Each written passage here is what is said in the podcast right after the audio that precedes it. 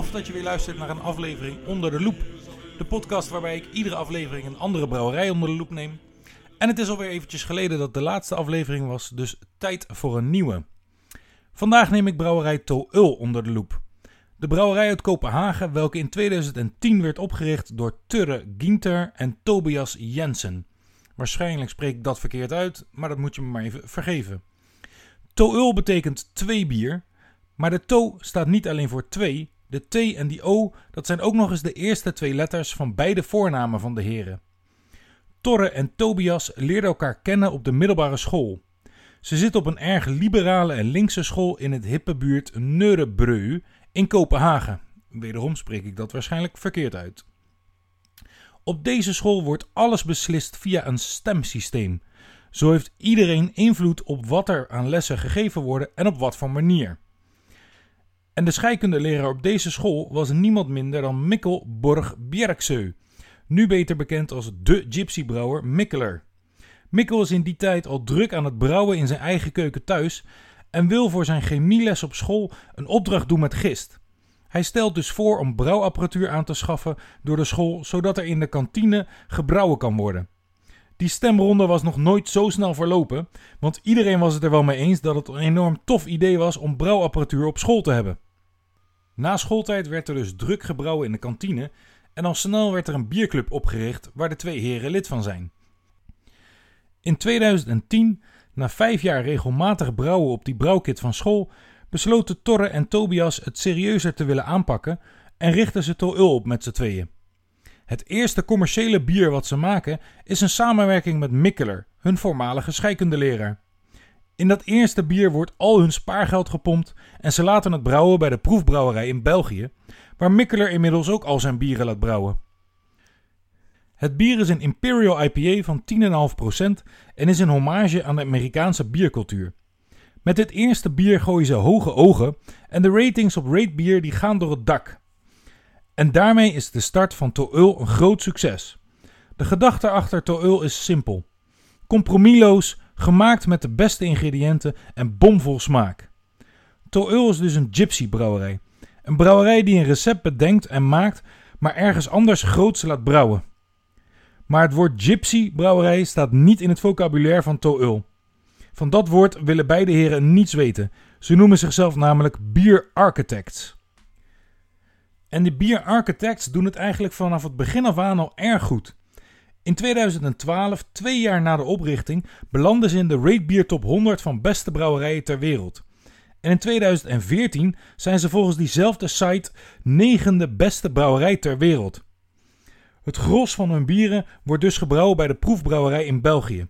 En een klein gedeelte zoals collabs en limited editions worden elders gebrouwen.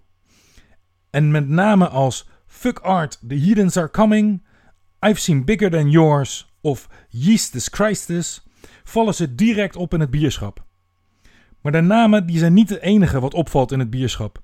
Ook het artwork op de flessen en blikken valt direct op. Het design van een fles of blik is net zo belangrijk als het bier zelf, vinden ze.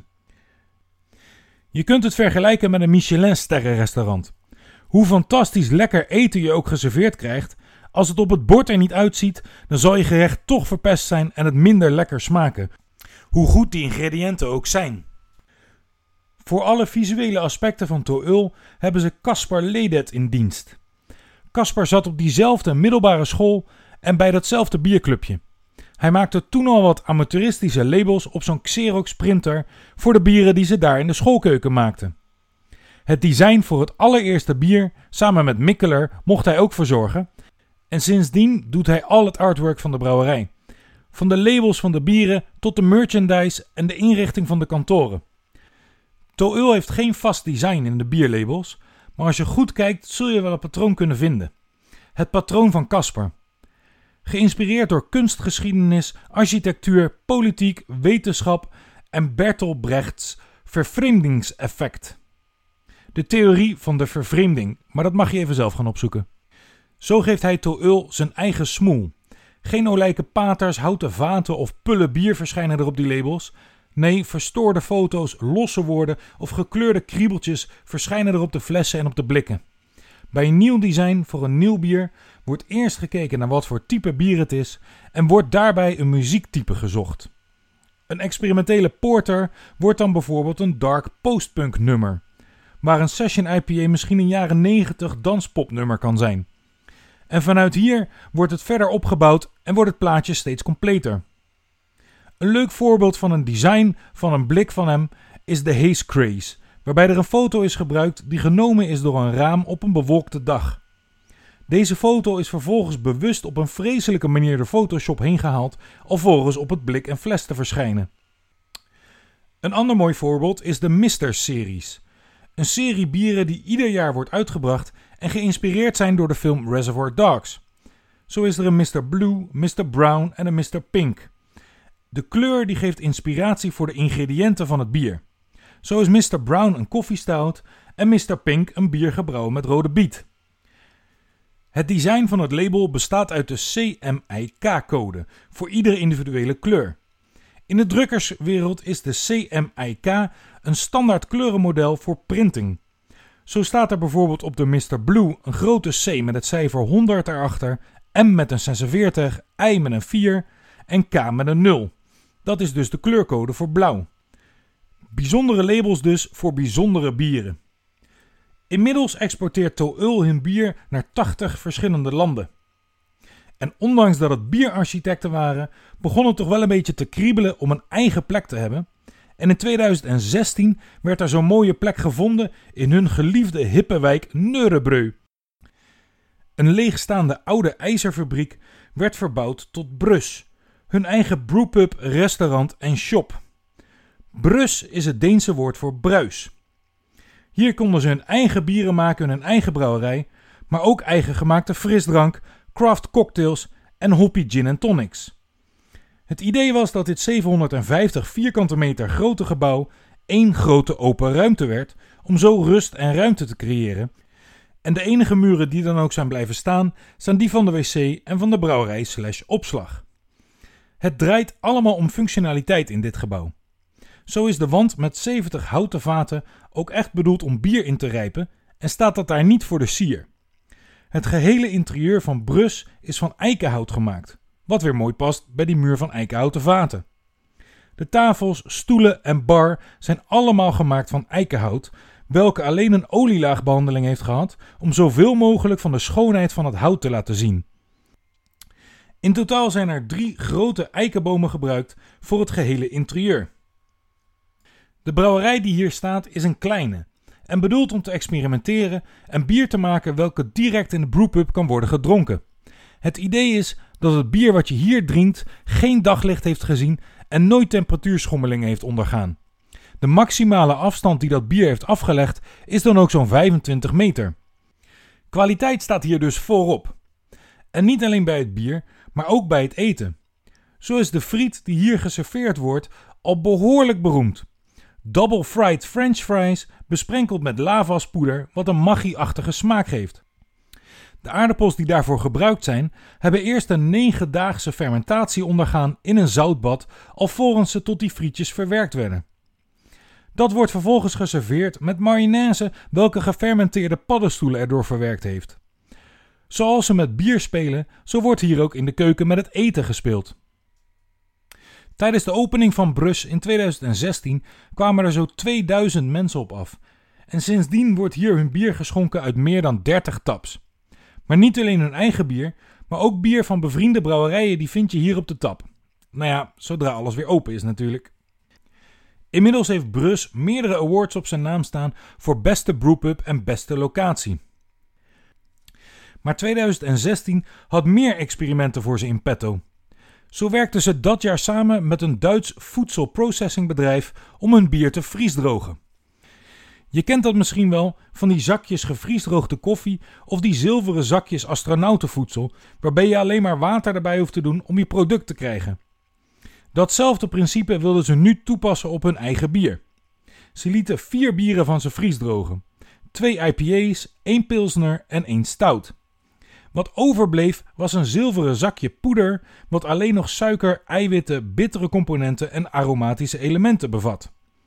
Het idee is dat je niet altijd een fles of een blik bier mee kunt nemen, maar daar wel altijd zin in hebt. Denk bijvoorbeeld aan een stevige wandeling of wanneer je het vliegtuig moet nemen. Op zulke momenten kun je je gevriesdroogde to bier meenemen en halverwege die wandeling in een cafeetje of in dat vliegtuig kan je wat bruiswater bestellen en iets van een klein flesje alcohol zoals vodka of tequila. Want datgene wat dat poeder niet meer bevat is natuurlijk koolzuur en alcohol. Vervolgens kan je dat poeder in een glas doen, dat bruiswater toevoegen en een klein beetje van die alcohol. En voilà, daar is je frisse, bruisende to IPA. Erg leuk idee, maar of het nou echt gaat aanslaan, daar heb ik mijn twijfels over. Ik heb het in ieder geval nog nergens te koop gezien, dus wat dat betreft denk ik dat dit meer een gimmick was dan echt serieus. Maar origineel is het zeker. In 2017 wordt het voor oprichter Tobias Jensen ietsjes te veel en hij besluit zijn andere dromen te gaan volgen en stapt uit de brouwerij. Maar dat weerhoudt Torre er niet van om het merk nog groter proberen te maken. Hij gaat op zoek naar een plek om een eigen productiebrouwerij neer te zetten. De focus ligt in eerste instantie geheel op Kopenhagen, maar niets in die stad voldoet aan de eisen van zijn productiebrouwerij. Dus wordt er verder gekeken. Het moet een plek zijn waar niet alleen bier, maar ook hun craft cocktails en soda's gemaakt kunnen worden. Een uur buiten Kopenhagen in het slaperige stadje Svinningen wordt de perfecte locatie gevonden. Hier staat een oude ketchupfabriek al een paar jaar leeg. Dit megaterrein met verschillende gebouwen is zo'n beetje even groot als het stadje waar het in staat. Dus werd dit project omgedoopt tot Toul City. Niet helemaal waar, want qua oppervlakte is Toul City precies een kwart van de oppervlakte van het stadje Svinningen. Het gehele Toul City terrein is 150.000 vierkante meter groot met 26.000 vierkante meter aan gebouwen. Dit is dé ideale plek om de droom waar te maken. Een nieuw pand laten bouwen zou heel slecht voor het milieu zijn wat betreft CO2-uitstoot. Dus wordt er besloten deze gebouwen te gebruiken voor al hun plannen. Het idee is om een mega productiebrouwerij neer te zetten die zo flexibel is dat alles qua brouwen mogelijk moet zijn. Verschillende ingrediënten op verschillende momenten toevoegen moet lukken. Vergisten op verschillende temperaturen moet lukken. Verpakken in zowel fles als blik? Jazeker, dat moet lukken. Ook zal hier hun craft cocktails gemaakt kunnen worden en hun soda's. Er moet ruimte zijn voor een koelschip voor de productie van wilde bieren, ruimte voor houten vaten voor barrel-aged bieren en zal hier voedsel, zoals die aardappels, worden gefermenteerd. Maar ook wordt er een distilleerderij gebouwd om sterke drank te kunnen produceren. Dit alles is mogelijk in dit 12 gebouwen megacomplex. En dan is er al die ruimte buiten nog. Hier zullen in de loop van de tijd verschillende boomgaarden komen te staan die fruit produceren welke gebruikt kunnen worden in het bier. Torre heeft de hulp ingeschakeld van mensen in het stadje die jarenlang al in die oude ketchupfabriek hebben gewerkt en de gebouwen en installaties op hun duimpje kennen. Zo konden ze met behulp van hen oude installaties ombouwen tot een eigen distilleerderij. Wat begon als drie man aan de start van de bouw van Toul City, is 14 maanden later een team van 25 personen met vijf internationale brouwers. Toul wil in Toul City ook een plek bieden aan andere kleine ondernemers die dezelfde problemen ervaren als wat zij ooit in het begin hadden: gebrek aan ruimte en gebrek aan creatieve vrijheid. Zo bieden ze hun ruimtes aan aan een cidermakerij, een kombucha-maker en een rumstoker, welke alleen gebruikte biervaten gebruikt, en nog een paar andere kleine ondernemingen. Zo willen ze wat terugdoen voor de community. Ik denk dat Toil City nog wel eens een favoriete hotspot van menig bierkie kan gaan worden, zodra we weer mogen reizen. Het bier wat ik vandaag van ze drink is de Number 4 Double IPA. Dit is het vierde bier in een serie Double IPA's welke in Toil City zijn gebrouwen. Een serie bieren waarbij elke keer een andere hopvariëteit in de spotlight staat. Hoewel er nergens op dit 44 centiliter blik te vinden is welke hop precies gebruikt is. Het bier schenkt hazy oranjeachtig in met een kleine witte schuimkraag. De geur is tropisch fruit, de smaak heeft citrus, tropisch fruit en iets kruidigs en wellicht wat peperigs. Wellicht dat de hopvariëteit Sorachi Ace gebruikt is, denk ik zelf. Een fris en zeer doordrinkbare double IPA in ieder geval. Dit is genieten. Bedankt voor het luisteren allemaal En tot de volgende. Proost!